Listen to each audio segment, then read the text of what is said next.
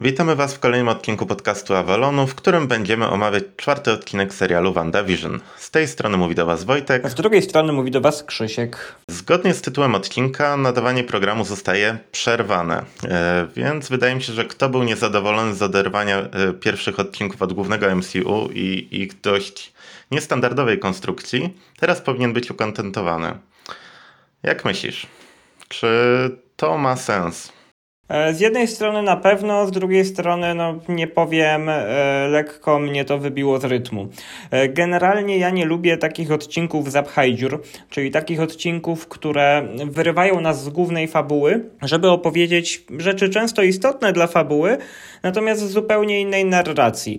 Ja to często odbieram tak, jakby no po prostu materiału na sam, sam, samą główną fabułę było za mało, no a sezon nie może mieć mniej odcinków, więc dopycha się coś, e, coś z zewnątrz. W tym wypadku oczywiście tak nie było, bo bardzo dużo informacji dostaliśmy, no natomiast samo ujęcie, ujęcie to w taką, a nie inną perspektywę budzi mój lekki niesmak, natomiast też, natomiast też nie chcę, nie chcę krytykować za bardzo tego odcinka, bo bawiłem się dobrze, bo jest tu bardzo dużo mocnych elementów, więc sama formuła trochę na minus, natomiast jestem też świadomy tego, że chyba ciężko było wytłumaczyć pewne pewne rzeczy w inny sposób. To była taka konieczność chyba. Też mi się wydaje, że e, i chyba o tym już mówiliśmy wcześniej, że lepiej, że ten odcinek, bo przewidywaliśmy, że on będzie, lepiej, że on jest teraz, niż że on pojawiłby się na samym końcu, gdzie dopiero w finale czy przedostatnim odcinku mielibyśmy to odkrywanie kart. A tak naprawdę, kiedy to jest ten czwarty odcinek i no mamy to odkrycie kart z drugiej strony, no to, no to jest to rzecz, która musiała się zdarzyć i dobrze, że zdarzyła się teraz, a nie tak, później. Tak, moim zdaniem też jakby, też to jest, e, e, też to jest, jeżeli już musi być taki odcinek, to to jest idealny moment. Bo czwarty odcinek to jest, jest jesteśmy już w miejscu, gdzie jesteśmy po dwóch odcinkach, mówię tu o dwóch pierwszych, e, które były takie dosyć spokojne. W trzecim działo się już naprawdę sporo, no i po tym trzecim jakby chcemy więcej. Przy czym, przy czym no, to jest jeszcze miejsce, w którym nie dzieje się, ta rzeczywistość nie jest na tyle zagmatwana, bo wydaje mi się, że już w piątym odcinku ona się bardzo pogmatwa, e, że wtedy no, nasze zniecierpliwienie co do tego, co się zdarzy dalej, byłoby jeszcze większe. Więc to był taki no chyba najlepszy moment. Oczywiście, jeżeli dobrze przewiduje rozwój serialu, tak? Bo może się zdarzyć, że następne odcinki będą, e, będą no, nie najlepsze. To w tym momencie, w tym momencie mogę odwołać swoje słowa. Natomiast tak jak mi się wydaje, jak serial, serial się rozwija, to to jest najlepszy moment. Też mi się wydaje, że lepszego momentu na takie coś nie, nie, nie mogłoby być. I zacznijmy może omawianie od początku, bo sam początek to jak dla mnie jest tona informacji, które, która jest dla nas, dla nas zrzucona.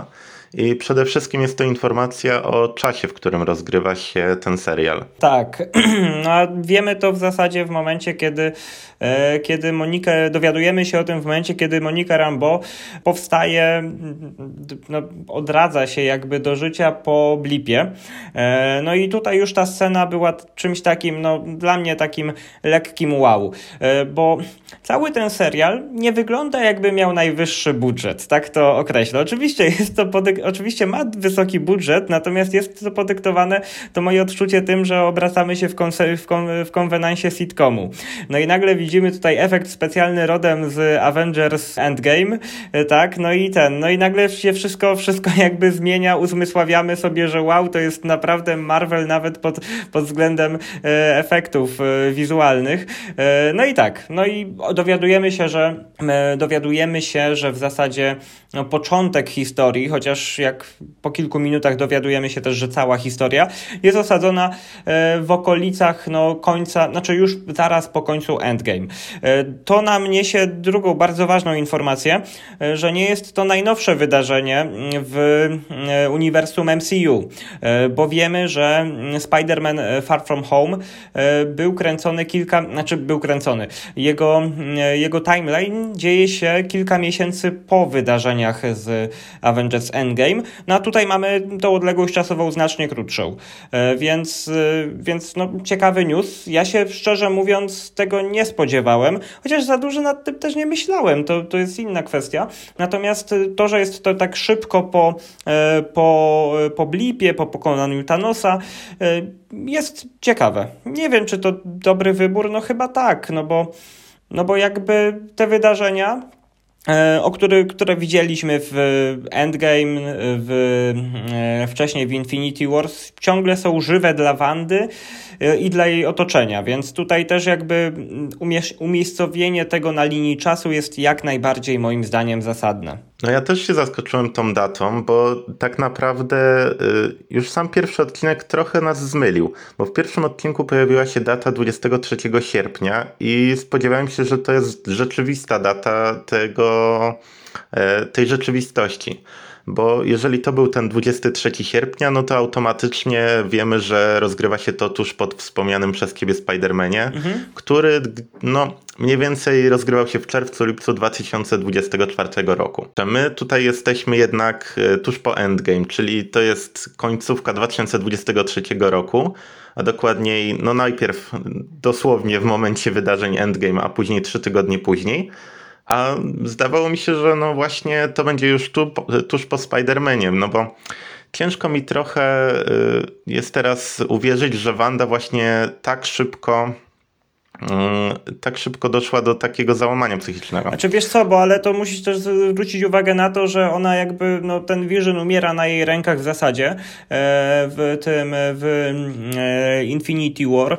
E, ona zostaje no zdematerializowana, później nagle powstaje, więc jakby ciągle są żywe, żywe, mm, żywe w niej te uczucia, a na dobrą sprawę jeszcze musi się pogodzić z tym, że minęło jakieś, nie wiem, 5 lat to było? Coś takiego. Więc, więc jakby no ja rozumiem, że bardzo dużo uczuć w niej buzuje w jednym momencie, no bo to jest dosyć duży bagaż jak na kogoś, kto, e, kto no, nie dość, że jest super bohaterem i świat się pali, to jeszcze, to jeszcze e, ukochanego straciła, więc ja to, ja to trochę, trochę ją rozumiem generalnie. No, w sumie masz rację. Tutaj trochę, trochę jednak przesadzam z tym, bo, bo rzeczywiście mogą być takie wydarzenia i ona jest rzeczywiście przeżyła, które mogłyby ją doprowadzić do takiego stanu. Plus możemy tu przypuszczać, że nie tylko ona sama się doprowadziła, w sensie nie tylko te wydarzenia, ale może ktoś jeszcze jakoś ją doprowadził dodatkowo do takiego stanu, bo to wciąż jest otwarta jednak kwestia moim zdaniem. Tak, tak, na pewno. A jak jeszcze jesteśmy przy tym, przy kwestiach około blipowych, to ja chciałbym powiedzieć, że bardzo mi się podobało przedstawienie chaosu związanego z tym blipem, bo mm, tak. wcześniej widzieliśmy to, co się działo e, bardziej e, z perspektywy Spider-Man Far From Home, no ale to było tak przedstawione, że zabawa, komedia, kabaret, koszalin, chłop przebrany za babę. E, a tutaj, tutaj, mamy, tutaj mamy naprawdę pokazany chaos w szpitalu. Ludzi na przykładzie właśnie Moniki Rambo, która chce odwiedzić swoją matkę, która nie żyje już od kilku lat. E, ludzie biegają w tym szpitalu. Jest, jest to pokazane no, jako coś nieprzyjemnego. No i generalnie tak to wyglądało, a nie, nie jak w Spider-Manie, że dziecko dostało piłką, bo się odrodziło tam, gdzie stało wcześniej. więc, więc, więc to jak najbardziej na plus. A jeszcze jak później poszły, e, poszły, poszła czołówka Marvela potem, to, to aż, mi, aż mi ciarki po plecach przeszły, bo, bo to, to jest ten Marvel. To, to, to było czuć, to w całości serialu tutaj czułem naprawdę, że, że to jest MCU. E, no ale koncentrując się na tym blipie, naprawdę fajne, fajne pokazanie moim zdaniem e, tej no, całości wydarzeń z tym związanych. Tak, to jest właśnie scena, której trochę mi brakowało w tym endgame. Takiej sceny, w której rzeczywiście widzimy te emocje i widzimy te relacje między tymi, tymi ludźmi, którzy dopiero co wrócili, którzy żyli w tej rzeczywistości, bo wiemy, że no było to dla nich dość ciężkie życie, mhm. a tutaj widzimy, że e, nie dość, że Monika zniknęła, kiedy była w szpitalu, e, kiedy jej matka była chyba przed operacją, to teraz wraca i dowiaduje się, że no, no ogólnie jest to zła wiadomość, no bo jej matka zmarła, mimo iż udało jej się wygrać z rakiem za pierwszym razem. I w tym e, roku 2019 kiedy rozgrywała się akcja Infinity War, no to udało się jej wyleczyć, a dwa lata później zmarła. No to jest dość mocna informacja, bo jednak choć nie widzieliśmy Marii Rambo długo na ekranie, bo w Kapitan Marvel nie było jej długo, to jednak była to postać, która wywołała do, na mnie dość e, pozytywne wrażenie. E, no tak, ja też generalnie oglądając e, Captain Marvel raczej nastawiałem się na to, że Maria Rambo w tej czy w innej roli pojawi się też w dwójce. No najpewniej się nie pojawi z tego, znaczy bazując na tym, że, że Captain Marvel raczej pójdzie sobie dalej w timeline, nie będzie już jakby osadzona w przeszłości, więc no, no jest, to, jest to smutna wiadomość, no ale no ale myślę, że e, myślę, że fabularnie też uzasadniona, tak? No bo przez to jakąś taką większą głębię już na starcie swojej przygody w MCU e, Monika Rambo uzyskuje przez to. No wiesz, może się pojawić w jakimś lekkim cameo, tak jak Peggy Carter, bo E, w sumie jest szansa, skoro Kapitan Marvel pojawiła się na tej ziemi, o ile dobrze pamiętam, jeszcze tuż po Infinity War, no to mamy to małe okienko, gdzie rzeczywiście mogły się spotkać i tu mamy szansę na kolejną e, fajną, pełną emocji scenę, którą chciałbym zobaczyć. Mhm, tak, nie, jak najbardziej, jak najbardziej tutaj, e, tutaj się nie kłócę. Natomiast z tego... Mm bo co do samego blipu, czy mamy coś jeszcze do powiedzenia, czy, czy idziemy dalej? Wydaje mi się, że możemy przejść dalej, bo tuż potem, zaraz w kolejnej scenie, dowiadujemy się, że mijają trzy tygodnie i tu mamy dość ważną informację o Monice, bo dowiadujemy się, że jest to no postać dość podobna do swojej matki, bo Monika jest jedną z pierwszych osób, które stawiają się do pracy w siedzibie SWORD. Okazuje się, że Monika także pracowała w SWORD, a jej matka zakładała i kierowała tą organizacją. Tak, no i nie wiem, czy mi się wydaje, czy przypadkiem, czy, czy no nie oglądałem tak, e, tak uważnie, uważnie filmów e, MCU, natomiast no mamy tu taki spory retcon, no bo wcześniej chyba SWORD nie istniał w tym świecie, nieprawdaż? Dobrze kojarzę? Wydaje mi się, że nie istniał. No to właśnie, właśnie się okazuje, że istniał. E, nie mam z tym, specjal, nie mam z tym specjalnego problemu. No natomiast no jest to dosyć duża wiadomość, tak? Jest to dosyć duża wiadomość. Czy mam co do tego jakieś odczucia? Niespecjalnie. No, fajnie, że istnieje. No, no.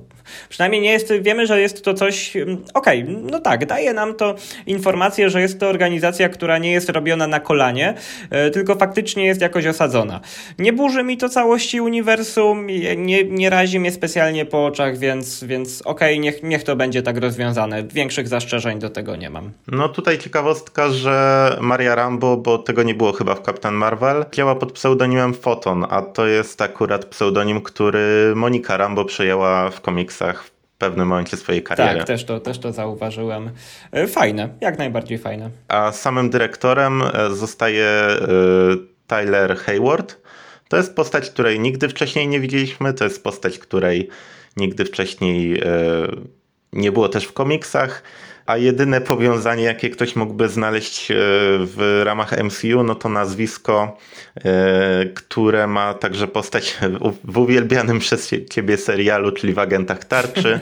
E, tam się pojawił nie pamiętam imienia tego bohatera, ale miał też na nazwisko Hayward i był złoczyńcą. E, jakby ten, e, ten Hayward z MCU, bo, bo tak musimy mówić w kontrze do agentów tarczy, e, okazał się złoczyńcą, to też bym nie miał, nie byłbym specjalnie zaskoczony, bo od momentu pojawienia się gościa jak, jakoś tak podświadomie miałem do niego pewną rezerwę. No jak się okaże, zobaczymy. Też to jest wróżenie z fusów w tym momencie, więc, więc po prostu zaznaczam. Wrócimy sobie do tej wypowiedzi już przy końcu serialu. Wiesz co, ja mam nadzieję, że tak się nie stanie, że on po prostu pozostanie sobą i nie będziemy mieli tam drugiego dna bo to będzie schemat, który już widzieliśmy w tym uniwersum niejednokrotnie. Jak oni znowu w to wejdą, to no to się robi nudne. No też prawda, też prawda. No tak, tak. No chyba, że będzie połączony z AIM, to pewnie się ucieszysz. No ale już, już tutaj, tutaj dojdziemy do tego, że, że chyba, jednak, chyba jednak moja wersja wydarzeń nie była, nie była, e, nie sprawdziła się, chociaż jakby, jakby ten Haywood był, e, był e, właśnie agentem AIM, to w tym momencie ciągle jeszcze jest ciągle jeszcze jest szansa, że mój scenariusz się ziści. No ale to do tego przejdziemy. Tak, zaraz do tego przejdziemy, ale wydaje mi się, że tu jest jeszcze jedna, jedna zagadka nierozwiązana, która też nadal pozostawia tą furtkę otwartą dla, dla tych agentów AIM. Ale może przejdźmy dalej, bo mm, okazuje się, że Monika nie może pracować e, tak jak dotychczas, czyli w misjach bardziej kosmicznych, tylko zostaje uziemiona decyzją swojej matki, która nie pozwoliła, e, wydaje mi się, że wszystkim agentom, którzy zniknęli, e, na powrót do pracy poza Ziemią. No i tutaj ja znowu miałem, e, znaczy na początku powiedziałem, e, że ten retcon tego e, Swordu niespecjalnie mnie, mnie zabolał, natomiast no, w momencie, kiedy dowiedziałem się, że nie możesz już latać w kosmos, to pomyślałem sobie, że hola hola, to jest aż tak rozwiązane, rozwinięte to Sword, że mamy misje kosmiczne i kontaktujemy się z innymi cywilizacjami, ale z drugiej strony w świetle Captain Marvel pierwszej części nie jest to nic nadzwyczajnego, więc tutaj, tutaj jeżeli, jeżeli by ktoś miał podobne odczucia do mnie sprzed, sprzed no, parunastu godzin, kiedy oglądałem serial, no to, no to jak, jak się spojrzy na to właśnie z perspektywy innych filmów Marvela, zwłaszcza Captain Marvel, no to jest to dosyć naturalne, że, że, że istnieją jakieś misje kosmiczne. A tutaj też czytałem w internecie, jak jakiś fan sobie to połączył z ewentualnym, ewentualnym pojawieniem się Fantastycznej Czwórki, która miałaby, tak. mogłaby być właśnie agentami Swordu wysłanymi w kosmos no, to by było dosyć naturalne i mnie specjalnie by nie raziło. E, no, ale to taka, taka po prostu fanowska teoria. E, zobaczymy. No, ale tak jak mówię, też jakby się tak zdarzyło, to, e, to nie, zbierałbym, nie zbierałbym szczęki z podłogi z, ze zdziwienia, tak? To, to rozumiem, taki wybieg fabularny jest nawet naturalny. No ale Marvel nieraz nas zaskakiwał, więc, więc pewnie, pewnie inaczej rozwiązał, rozwiążą problem fantastycznej czwórki. Możliwe, chociaż, chociaż to byłby dość naturalny w tym momencie, no naturalny początek dla nich. Niech mnie zaskoczą, jeżeli, jeżeli nie zaskoczą mnie, to też nie będę, nie będę jakoś specjalnie negatywnie nastawiony. No po prostu chcemy dobrej, fantastycznej tak, czwórki. Tak. Jak ich wprowadzą, to, to już nam jest trochę obojętne. Tak, dokładnie. E, no i tak, e, Monika dostaje misję, w której e, spotyka agenta Jimmy'ego Wu. Ale w ogóle Monika dostaje misję. Sword, jedna z największych, jak nie największa taka agencja i misja polega na tym, że o coś jest, coś się dzieje niedobrego z jakimś miastem. Proszę tam pojechać. Czy to nie jest twoim zdaniem trochę nieproporcjonalne do, do jakby rozmiarów tej organizacji? Wydaje mi się, że mm, Jimmy był na tyle na tyle zaskoczony i zaintrygowany tym, co się tam dzieje, że on wiedział, do kogo ma się zgłosić. Okay. A, biorąc pod uwagę, a biorąc pod uwagę to, że w sumie nie wiem, jaki status ma obecnie Shield, ale wydaje mi się, że ma na tyle nadwyrężoną opinię, mhm. bo w sumie nie wiem, czy oni wrócili potem, po tym jak zostali rozwiązani. Hmm, chyba nie, ale tutaj ręki sobie za to nie dam uciąć. No właśnie, więc w sumie możliwe, że samo Sword pojawiło się na miejscu Shield. Wydaje mi się, że to jest dość naturalny, naturalny kierunek dla Jimmy'ego, w którym by mógł mieć kogoś z takich agentów, który miał do czynienia z podobnymi sprawami. No okej, okay. no dobra, dobra. To ak akceptuję odpowiedź. tak na rozruszenie, no to idealna misja dla Moniki, ale okazuje się, że no jest to misja o dużo większym zasięgu e, niż się spodziewano. Tak, ja jeszcze tutaj chcę nadmienić e, do dyskusji naszej z poprzedniego odcinka, e, bo po, przy, podniosłem w poprzednim odcinku, że przy tabliczce, tabliczce miasta Westview, przy znaku informacyjnym z tego miasta był, były też ikonki czegoś, co mi się wydawało jako ikonki agencji rządowych. Okazuje się, że to są faktycznie oznaczenia miast całkiem naturalne, no bo tutaj, e, tutaj też w tym czwartym odcinku się te ikonki e, czegoś, co ja zinterpretowałem jako agencje rządowe pojawiają i to, to są, to jest po prostu, tak jest w Ameryce, więc, więc, więc wyjaśniło się, przynajmniej to. Okej, okay, czyli dobrze przypuszczałem. Tak, tak, miałeś rację.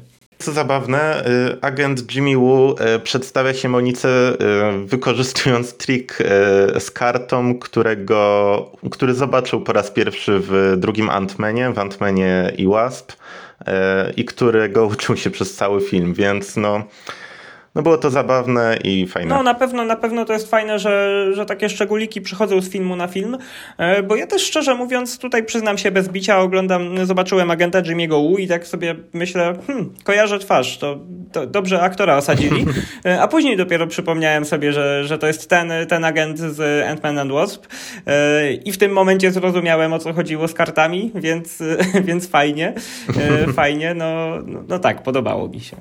No i to jest nie jedyna w sumie taka postać, która powraca z poprzednich filmów, bo niedługo później pojawia się Darcy Lewis, a teraz doktor Darcy Lewis, bo jak się okazuje w międzyczasie Darcy Lewis, którą spotkaliśmy w dwóch e, pierwszych e, częściach Tora, zrobiła w międzyczasie doktorat. I to do tego z astrofizyki. Tak, ja tutaj sobie nawet przygotowałem e, parę notatek o tym, jaką fajną postacią jest e, Darcy.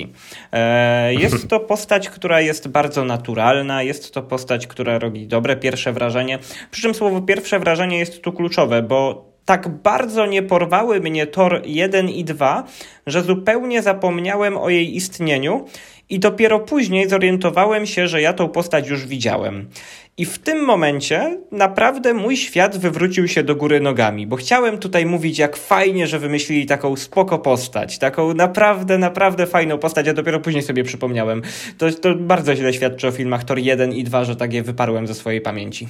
No, one plasują się jednak dość nisko w całej klasyfikacji MCU i to tak bardzo nisko, bo reszta jest blisko siebie, a one są bardzo daleko. Nie, tak, na pewno, na pewno, bo parę, parę filmów MCU widziałem parokrotnie, ale nigdy w życiu do głowy by mi nie wpadło, żeby jeszcze raz zobaczyć któregoś z torów. Z torów. No naprawdę, naprawdę to, to nie są najlepsze filmy. Oczywiście, wyjąwszy Ragnarok, bo to jest, to jest zupełnie inna, tak. zupełnie inna e, kategoria. Natomiast no, jeżeli chodzi o oceny filmów, to są tak masakrycznie złe w moim przypadku, e, że aż zapomniałem o niektórych postaciach. Więc wracając do tego, że pojawia się tu Darcy, e, bardzo fajnie, bardzo fajnie, że, e, że jest też rozwój postaci, że zrobiła ten doktorat.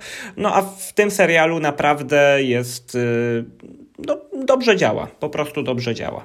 Chociaż powiem Ci, że no niektóre te żarty jednak no jednak były dość suche. Wydaje mi się, że trochę przestrzelili z niektórymi. Yy, na przykład ten z kawą. Mhm. Zbyt mocno jednak, jednak pocisnęli z tym i mogli to trochę stonować, chociaż no, może to jest nawiązanie do tego, jak słabymi filmami były tory. No. E, no i tak, no. sama e, Darcy pojawia się już 24 godziny po tym, jak, e, jak znika Monika, bo kiedy Monika rozmawia z Jimmym, no to orientują się, że wokół całego miasteczka Westview jest no coś, co nazywaliśmy wcześniej kopułą, a później dowiadujemy się, że ta cała bariera ma kształt heksagonu. Zero zaskoczenia, tak jakby. tak, to jest, to jest to, no ten heksagon się tu przewija non-stop i, i to jest nadal nasza furtka do AIM. Tak. No i tak, e, Monika, no trochę nie słuchając Jimmy'ego, e, dotyka bariery i za drugim razem wciągają w ten świat i okazuje się, że jest jedyną postacią chyba, która, która wchodzi w ten świat, y, chyba że kolejnym osobom nie pozwalali tam wchodzić. E, no tak, całkiem, całkiem możliwe. E, natomiast ważne jest też to, że oni wcześniej szukali jednej osoby, która, e, która znalazła się w tym miasteczku e, i do tej pory nie wiemy, kim ta osoba, e, kim ta osoba jest. Więc, więc no to Monika tam, tam z, mm, no przynajmniej na początku, przy pierwszym spotkaniu przy, przy pierwszym spotkaniu z miasteczkiem, no nie jest jedyną osobą, o której posiadają wiedzę, że tam się znajduje. No tak, nie wiemy kto to jest i nie tyle o niej szukają, co Jimmy e, jest to, jest to osoba z tego... Programu ochrony świadków. Dokładnie, więc on nie tyle jej szuka, co wie, że ona tam była i chciał się z nią skontaktować. No ciekawe kto to jest, czy to jest na przykład nasza Agnes, bo, bo tak mogłoby być. Mhm. No albo tajemniczy mąż Agnes, chociaż w to nie wierzę, bo e, no nie wiem, mężem Agnes albo jest Mephisto, albo to jest po prostu e, gag serialowy, więc, więc teorie o tym, że poszuki, no tym świat, świat, osobą objętym programem ochrony świadków jest mąż Agnes, to ja bym wykluczał akurat w tym momencie. Też bym to wykluczył. Ja w ogóle gdzieś przeczytałem, że to może być Belcher Spidermana, ale to nie, tak to bardzo by było mi się za nie mocne, klei. to by było złe, to w ogóle, w ogóle nie pasuje. Nie podobałoby mi się takie rozwiązanie. No, mi też nie. Tym bardziej, że no przecież pojawi się w Morbiusie, No, jednym z najważniejszych właśnie. filmów, na jaki czekamy z ogromną niecierpliwością i, i bardzo nas zasmuciła informacja o tym, że po raz kolejny przesunęli premierę tego filmu. No to, to wiadomość na miarę, na miarę mm, zakończenia produkcji agentów tarczy. Tak, jest nam smutno strasznie. Wróćmy do, y, do sceny, w której Monika przenosi się do świata Westview, a tymczasem Sword działa dość sprawnie, bo Sword w ciągu 24 godzin tworzy imponującą siedzibę wokół całego Westview. Tak, już gadaliśmy o tym przy, ostatniej, przy, przy okazji ostatniego podcastu przez chwilę oczywiście, no bo to była końcowa scena. Tutaj widzimy to, e, no, to, to miasteczko takie wojskowe, jak to nazwaliśmy, z innej perspektywy. Jest ono duże, jest zorganizowane. No tak, prężnie działają i widać, że do sytuacji podchodzą na poważnie. No zresztą jak, jak, jakby mi agentka zniknęła w, w tajemniczym miasteczku, to też bym do sprawy raczej poszedł na poważnie. E, Więc, więc nic dziwnego, e, szybko się, szybko się e, zgrali i e, no i zaczęli, zaczęli badać sytuację. No i tutaj w sumie kończy się tak naprawdę moment z rzeczami, których nie wiedzieliśmy. Teraz zaczynają się, zaczynamy odtwarzać sceny od pierwszego odcinka, tylko z drugiej perspektywy, bo Darcy okazuje się być tą jedyną osobą, która jakoś orientuje się, jak dowiedzieć się, co się dzieje w środku. Odkrywa te kosmiczne fale, które, które wykryli inni agenci i dowiaduje się, jak je ujarzmić, że tak to powiem. I znajdują stary telewizor, co też pokazuje, jak Sword jest przygotowany, że dość szybko znajduje jakiś stary telewizor z lat 50., żeby Darcy mogła na nim coś zrobić. No, dokładnie, nie pomyślałem o tym nawet. Nie wiem, czy oni mieli tam składzik, czy oni tak. Nie, pewnie zamówili drona z Amazona i, Tak. i, i im dowiózł. No, ale właśnie, oglądają ten e, serial, no i w zasadzie, e, w zasadzie poznajemy też dwie, jedną poznaliśmy już wcześniej, nie powiedzieliśmy o tym, ale teraz myślę, że przy okazji e, drugiego elementu o tym wspomnimy. Poznajemy genezę naszego pszczelarza. A wcześniej także e, drona e, czy też helikopterka. E, chronologicznie podchodząc do sprawy, jeszcze przed wejściem przez Monikę Rambo do Westview, wysłali tam drona.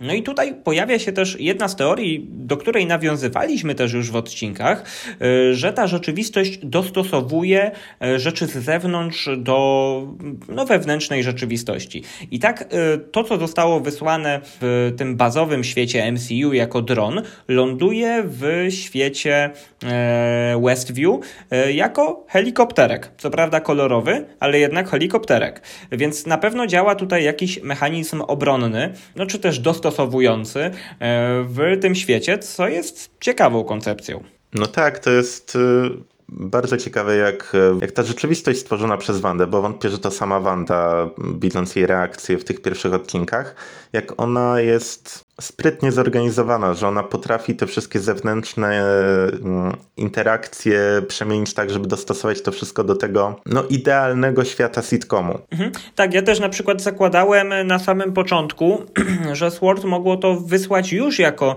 e, taki, e, taki mm, właśnie helikopterek, żeby nie zaburzać tego same, całego klimatu. Wiesz, myślałem, że na początku to już wszystko było pod kontrolą ich obserwacją i oni coś wysyłają, żeby się tam dostać. E, Tym bardziej, że odcinek właśnie kończył się obserwacją tego sitcomu. E, No a tu się okazuje, że nie, że jednak ten, e, ta rzeczywistość dostraja, dostraja elementy do, do wnętrza. Ja chyba nawet miałem bardziej spektakularne podejście do tego w pierwszym naszym odcinku, w pierwszym e, omówieniu tych odcinków, bo ja chyba mówiłem o tym, że to będzie, wiesz, prawdziwy helikopter, który ta rzeczywistość... A, tak, było, tak, tak. tak, więc no trochę przestrzeliłem się z tym, e, ale tutaj co warto zaznaczyć, heli, ten no nie helikopter, ten e, dron oryginalnie miał kolory e, złoto-czerwono-niebieskie, no czyli mm, to są te same barwy, które Monika nadała Kapitan Marvel, więc widać jak mocno lubi te kolory i jak lubi Kapitan Marvel. A drugą, drugim elementem, który przedostaje się do, do świata Westview jest pszczelarz, e, który normalnie przychodzi sobie e, przez kanały w kombinezonie e, na takim sznureczku, który ewentualnie ma, jak mnie mam, służyć wyciągnięciu go, jeżeli coś mu się stanie. No i przechodzi przez barierę i nagle widzimy to, tą przemianę, tak, że jest w kombinezonie, a później jest dostrojony do, do no, rzeczywistości staje się pszczelarzem. Naokoło niego też pojawiają się pszczoły i to burzy jedną z teorii, którą mieliśmy, e, że pszczoły mają być mechanizmem obronnym, który będzie go kąsał, e, bo nie wydaje się specjalnie zaniepokojony istnieniem tych pszczół. To jest po prostu element jego, jego ubioru. Natomiast kiedy wy, wyciągają sznurek, na którym idzie, zostaje przerwany i kiedy oni go wyciągają, to to jest skakanka, coś takiego? W każdym razie no, końcówka tego, e, tego sznurka zostaje dostosowana do rzeczywistości Westview i przedostaje się do no, zewnętrznego świata. Ciekawe. Wiesz co, ta teoria z jednej strony się sprawdza, z drugiej nie, bo widzimy, że jest to rzeczywiście jakiś mechanizm obronny te, tego Westview, a z drugiej strony no, nie są nim te pszczoły, tylko ogólnie zamiana kombinezonu agenta na um, kostium pszczelarza. I co, mhm, no, no tak. No. I mnie ciekawi, co się w sumie stało z tym agentem, bo on nie zostaje wyrzucony przez ten, y, poza, tą, y, poza ten heksagon, prawda? E, tak, nie, nie zostaje wyrzucony, natomiast no, tutaj moja teoria powstaje taka, że on został dostosowany sobie do życia w tym, w tym, w tym świecie e, i on sobie tam po prostu funkcjonuje jako jedne, jeden z mieszkańców Westview, z tym, że teoria na ten moment jest totalnie niesprawdzalna, bo nie widzieliśmy jego twarzy. O ile się nie mylę i o ile e, nie, e, nie, nie omijam czegoś, przechodzimy do segmentu, w którym poznajemy postaci, które występują w serialu kreowanym przez Wandę. Tak, wydaje mi się, że no to był taki szybki montaż, bo możliwe, że to było chyba troszkę wcześniej przed wkroczeniem tego, tego pszczelarza. No i mamy taki krótki montaż, w którym e, agentom udaje się mm, dowiedzieć, jak naprawdę nazywają się ci bohaterowie, bo, bo jak się okazuje, no ani pan Hart, ani pani Hart, ani Dottie i tak dalej, no nie nazywają się tak w rzeczywistości. Są to osoby o innych nazwiskach, są to też osoby, które nawet nie są ze sobą powiązane. E, pan i pani Hart chyba nie są nawet małżeństwem w rzeczywistości. E, no i co ciekawe, agentom nie udaje się z, e, dowiedzieć, kim jest Agnes, a przynajmniej na tablicy, którą widzimy, nie mamy jej prawdziwych, e, prawdziwego imienia i nazwiska. Tak, ale ja też myślę, że to jest całkowicie świadomy zabieg, nawet w momencie, w którym by e, Agnes była po prostu zwykłą, zwykłą osobą, e, bo no, po, po, po tym, jak fani reagują na, na postać Agnes, po tym, jak w zasadzie wszystko, wszyscy mają podobne odczucia, że z nią jest coś nie tak. Chyba nie, mało jest teorii, w których ona jest po prostu zwykłą osobą. E, to, to nawet jeżeli ona faktycznie miałaby być zwykłą osobą, to jako, jako osoba pracująca przy serialu też bym nie dawał żadnych informacji o niej, e, bo, bo, po, prostu, bo po prostu to jest pożywką dla nowych teorii. E, natomiast w tym momencie też wynika, mm, wynika zakończenie jednej z teorii, zakończenie jej bytu, e, że, mm, e, że osoby, które, które są w tym e, w świecie serialu Westview, są osobami, które zostały stracone w, w procesach z Salem. No niestety nie, to są dosyć współczesne osoby, więc, więc niestety jedna z teorii już, już jest nieaktualna, która była oczywiście naciągana, jak to teoria, lekko ciekawa, natomiast na pewno nieprawdziwa. A było powiedziane, że wprost, że to są mieszkańcy tego miasta, prawda? E, nie pamiętam akurat w tym momencie. No wiesz, mogliby pójść w jakieś reinkarnacje, że Wanda zebrała reinkarnacje osób, które zostały stracone. Oj, no tak, to by było ciekawe, ale no szczerze wątpię. No też to wątpię, ale, ale no możemy trochę poteoretyzować. Ciekawych rzeczy przy analizie serialu chociaż le, przy analizie serialu przez agentów, chociaż było, było widać, widać reklamy, w których występowała Hydra, nikt z tą Hydrą się specjalnie nie zajmował. No to było dziwne i to bardzo dziwne, bo jednak no dla nas to jest jakiś sygnał i dla osób, które oglądają ten serial, no to jest jakaś poszlaka. A wydaje mi się, że teraz i agenci, i osoby, które to oglądają, to jest jedno i to samo, bo e, agenci zadają sobie dokładnie te same pytania co my, czyli dlaczego kształt heksagonu, dlaczego sitcomy, czy tam jest ten sam czas i przestrzeń, no i czy Vision żyje. A jednak o tej hydrze w ogóle nie mamy wzmianki. No tak, i to jest bardzo zastanawiające, no bo yy, kurczę, na dobrą sprawę to z kim oni mają teraz walczyć, jak nie potencjalnie z Hydrą? No na razie jest względny spokój w tym świecie Marvela, a jak się pojawiają jakieś sygnały o Hydrze, to, o Hydrze, to już yy, moją, yy, moją uwagę jako agenta by to wzbudziło, tak? Tak mi się przynajmniej wydaje. No ale może, może, może to nie jest naturalne, naturalne, naturalny ruch, jak się jest agentem. Może przeoczyli, może wiesz, jak jest przerwa reklamowa, to odeszli od y, telewizorów i... tak, po co oglądać reklamy standardowo? No widać, tak, że... Tak, może tak. No widać, że te odcinki wciągają, zwłaszcza po Darcy, która no, aż łuka widząc te wzruszające sceny między Wandą a Visionem. Tak, ale nie, ale akurat reakcje Darcy yy, i w po, po, części też yy, Jimmy'ego mi się bardzo podobały na ten serial. To, to było śmieszne, to było, to, to było ciekawe, fajne. Fa, fajnie, że to, fajnie, że taka scena, yy, kiedy, kiedy ona jest faktycznie zainteresowana fabułą tego serialu, się znalazła. No tak, tu można podkreślić, że to rzeczywiście są postaci, które bardzo dobrze wykorzystano. To są postaci, które miały małą rolę w poprzednich filmach, a tutaj dostają troszkę więcej czasu dla siebie. No to na pewno. E, pozostając jeszcze przy analizie tego, jak, e, jak sprawa wygląda z mm, no, analizą właśnie tych, tego odcinka, e, tych odcinków, to warto zwrócić uwagę na to, że to, co oni nie oglądają, to nie jest w 100% to, co my oglądaliśmy. Tak. To znaczy, my widzieliśmy momenty, w których Wanda cofa czas, tam po prostu następuje cięcie. My widzieliśmy moment, w którym e, Monika Rambo wylatuje, no a tutaj następuje cięcie to rodzi takie pytanie, kto na dobrą sprawę nadaje ten serial. Czy to nadaje Wanda, czy to ktoś inny nadaje. Ja na ten temat jakby na razie nie mam zbytnich e, przemyśleń. E, po prostu odnotowuję fakt istnienia takiego czegoś. E, jest to na pewno ciekawe. Wydaje mi się, że jedną scena, jedna scena, która się powtórzyła, była to scena ta pierwsza, w której pani Hart woła Stapyt. Nie wiem, czy mignęła gdzieś informacja na jakiejś tablicy, czy oni to powtarzali, ale wydaje mi się, że było gdzieś podkreślone, że oni tą akurat scenę widzieli parę, parę razy.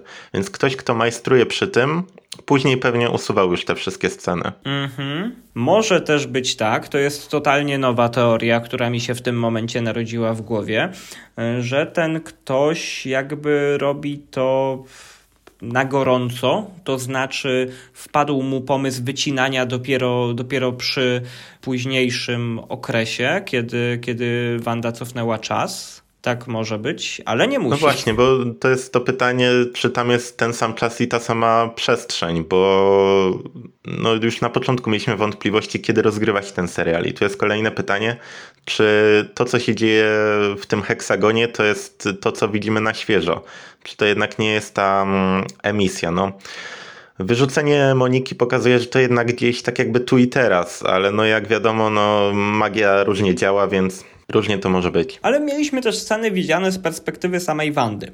To znaczy, no, nie, nie konkretnie jej oczami, ale tak jak ona to widzi. No i tam pojawiło się mm, parę ciekawych elementów. Już pomijając, pomijając tą, y, tą jakby rzeczywiste, rzeczywiste ukazanie tego, jak, y, jak Monika Rambo została wykopana z serialu, y, to przede wszystkim widzimy Wirzyna. I to już nam trochę odpowiada na pytania, które stawialiśmy w poprzednich e, odcinkach. To właśnie mnie zastanawia, e, bo mamy moment, w którym Wanda wyrzuca e, Monikę, Monikę Geraldine, mm, po czym wchodzi Vision i kiedy Wanda na niego zerka, to widzimy dokładnie tego samego Visiona, którego widzieliśmy pod koniec Infinity War z całą zmasakrowaną, zmasakrowanym czołem. Mm, I wydaje mi się, że jest to pewne przewidzenie Wandy. To nie jest yy, tak jakby to, jak Vision może w rzeczywistości wyglądać, bo tak jak rozmawialiśmy w poprzednim odcinku, yy, Vision ma swoją świadomość. Wydaje się, że to jest Vision, który wie, co się wokół niego dzieje momentami i dlatego wydaje mi się, że to jest pewne przewidzenie Wandy lub no, w sumie ten syntezoid może działać w takim stanie. No, tego dowiemy się pewnie w kolejnych odcinkach ale dostaliśmy, w sumie chyba też o tym mówiliśmy, tą właśnie taką trochę creepy scenę, w której no ten Vision jest, no jest w tragicznym stanie. No tak, ja, ja nie pomyślałem o tym, co, e, o czym przed chwilą wspomniałeś. E, chodzi mi tutaj o te przebłyski świadomości Visiona w poprzednim odcinku. E, no i to trochę faktycznie, faktycznie burzy mój obraz tego, bo ja byłem przekonany, że Vision po prostu to jest jego ciało. On, on tutaj sobie tak właśnie funkcjonuje za pomocą Wandy, ale faktycznie te przebłyski świadomości mogą wynikać też z tego, że on w tym momencie funkcjonuje. Z drugiej strony ta projekcja Wandy, czy też, czy też osoby, która no, pomaga jej w utrzymaniu tej projekcji, kontroluje to w jakiś sposób, e, może też jakby już tym wykreowanym postaciom nadawać jakieś podwójne dno. E, czyli, że mi, nie postać, postać Visiona jest postacią bazową, jest wrzucana w, wykreowana postać Visiona jest postacią bazową i ona jest wrzucana w różne nowe role. E, I w tym momencie może to ta, nawet tak głębiej ta projekcja Visiona odzyskała jakieś zręby świadomości. Ja wiem, że to wchodzi na bardzo skomplikowane poziomy, ale no, na ten moment nie wiemy tego i wszystko jest możliwe w tym wypadku. No tak, ten, ten odcinek odpowiada nam na parę pytań, które które mieliśmy, daje kolejne i, i otwiera sporą przestrzeń do, do dalszych dyskusji. Mm, wydaje mi się, że jeszcze nie powiedzieliśmy o, o scenie, w której Jimmy próbował skontaktować się z Wandą. Z ich perspektywy jest to kompletnie nieudana próba, a my sami wiemy, że w tym momencie Wanda ich słyszy, a, a Dottie rani swoją rękę, chociaż tu widzimy też te cięcia obrazu. Tak, no i przypominamy jeszcze o tym, że krew, która e, tam, tam, tam się polała, była czerwona, a my w dalszym ciągu jakby no, nie, nie widzimy tego, nie, nie widzimy odzwierciedlenia tego w E, w naszej rzeczywistości, bo tu następuje cięcie. E, no nie ma do tego żadnego odniesienia, tak? Więc tutaj też pozostaje e, pytanie otwarte, dlaczego, dlaczego ta krew była czerwona, więc, więc kolejna niby, niby jakby mm, uchylenie rąbka tajemnicy, że tutaj następuje cięcie, z drugiej strony takie jakby pytanie pozostaje otwarte. I wydaje mi się, że to już wszystkie sceny, które pojawiły się w tym odcinku. Tak, pod tym względem tutaj, pod tym względem jakby, jakby chyba wszystko mówiliśmy. E, ja mam jeszcze taką uwagę, że już do całości odcinka, że Monika Rambo w MCU to ma naprawdę duże szczęście.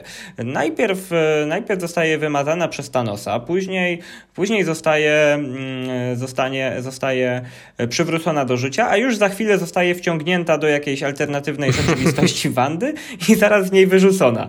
E, no, no, no to chyba nie ma drugiej postaci w MCU, która miała tak przerąbane w tym okresie. E, no i no tak zauważyłem, to, to, to, to scenarzyści nie szczędzili jej niemiłych, e, niemiłych przeżyć. No dobrze, że w końcu zobaczyliśmy prawdziwą Monikę, a nie tylko e, ją w tej skórze Geraldine bo wypadła sympatycznie. No, wiemy o niej dopiero niewiele, ale no, jest równie sympatycznie zbudowana co pozostałe mm, postaci z MCU. I chętnie zobaczę ją w Kapitan Marvel. No ciekawe, ile tutaj jeszcze dostanie do odegrania. Czy ona mm, po tym odcinku będzie już jedynie statystką, a inni przejmą tą rolę, czy będzie miała jednak jeszcze coś do odegrania w tym serialu. Jeżeli by ją zrzucili tylko i wyłącznie do roli statystki, to ja nie byłbym zadowolony, bo to jest za dobra postać. E, też jakby od tego drugiego odcinka była w centrum tych wszystkich wydarzeń, a teraz e, cały odcinek no, nie cały odcinek czwarty, ale jakby część tej, tego odcinka czwartego patrzy, oglądamy z jej perspektywy, więc to by było trochę zmarnowanie postaci, gdyby ją zepchnęli do, e, do jakiegoś e, roli właśnie statysty. E, więc, więc niech jej będzie dużo i niech, niech ją wykorzystują w dobry sposób, bo, bo ta postać ma naprawdę potencjał. I chętnie właśnie też zobaczę ją w Captain Marvel, chętnie, chętnie też będę ją oglądał po prostu w MCU, więc, więc niech jej będzie tak, dużo. zdecydowanie. E, jeszcze taką rzecz zauważyłem, o której nie powiedzieliśmy, bo Wanda, już kiedy widzimy właśnie e, wydarzenia też z perspektywy Wandy, mówi, że ona nad wszystkim panuje. To jest też tylko uwaga o tym, że coś takiego pada, bo to, że Wanda mówi, że nad wszystkim panuje, wcale nie musi oznaczać, że nad wszystkim panuje.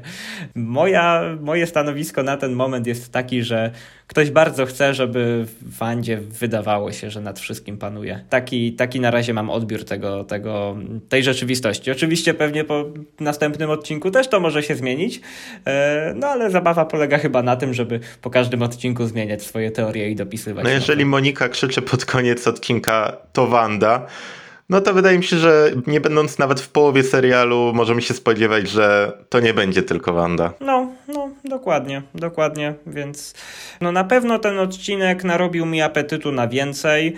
E, tak jak mówię, może formuła nie jest, nie jest najlepsza, ale wycisnęli z niej naprawdę dużo i no informacje, które zostały przekazane, e, zostały no, bardzo dobrze zrobione, zostaje bardzo duży niedosyt, e, ale też pewna satysfakcja, że już trochę więcej wiemy o tym świecie, więc, więc no odcinek, odcinek naprawdę dobrze wypada. Odcinek zdecydowanie na plus i, i tak jak mówiliśmy, dobrze, że był w tym momencie, bo mam wrażenie, że kolejne odcinki będą już bliższe formule trzeciego. I to będzie się tak nawarstwiało, że z jednej strony będziemy widzieć te sitcomowe sceny, a z drugiej coraz więcej tych mm, błędów w tej całej projekcji. E, tak, i jeszcze chciałbym zaznaczyć, że na pewno na ten moment nie, nie chciałbym sytuacji, w której dostalibyśmy drugi taki odcinek. E, niech, niech to bardziej jakby przepływa e, pomiędzy rzeczywistościami. Nie mówię oczywiście, żeby, żeby, nagle, żeby nagle przeskakiwać z E, z rzeczywistości tego serialu, wewnątrz serialu do, e, do rzeczywistości MCU, ale może bardziej pod koniec, jakby coś się wyjaśniało, bo drugi taki odcinek myślę, że mógłby nie wyjść tak dobrze. Przed nami, no tak naprawdę jeszcze w teorii lata 80., 90. i 2000, więc wydaje mi się, że można bezpiecznie za założyć, że piąty, szósty i siódmy odcinek to będą właśnie te kolejne epoki e, w historii telewizji. A później ósmy i dziewiąty odcinek, no to już będzie. No tam się będzie działo. No to to będzie pewnie dwuczęściowy finał, więc, więc, więc tutaj pewnie nastąpi pomieszanie, pomieszanie tych rzeczywistości, albo w ogóle wszystko będzie się rozgrywało w naszej rzeczywistości. Ciężko cokolwiek przewidywać, no oprócz tym, że oprócz tego, że, że 9 i 10 to już będzie naprawdę duża, duża dawka akcji.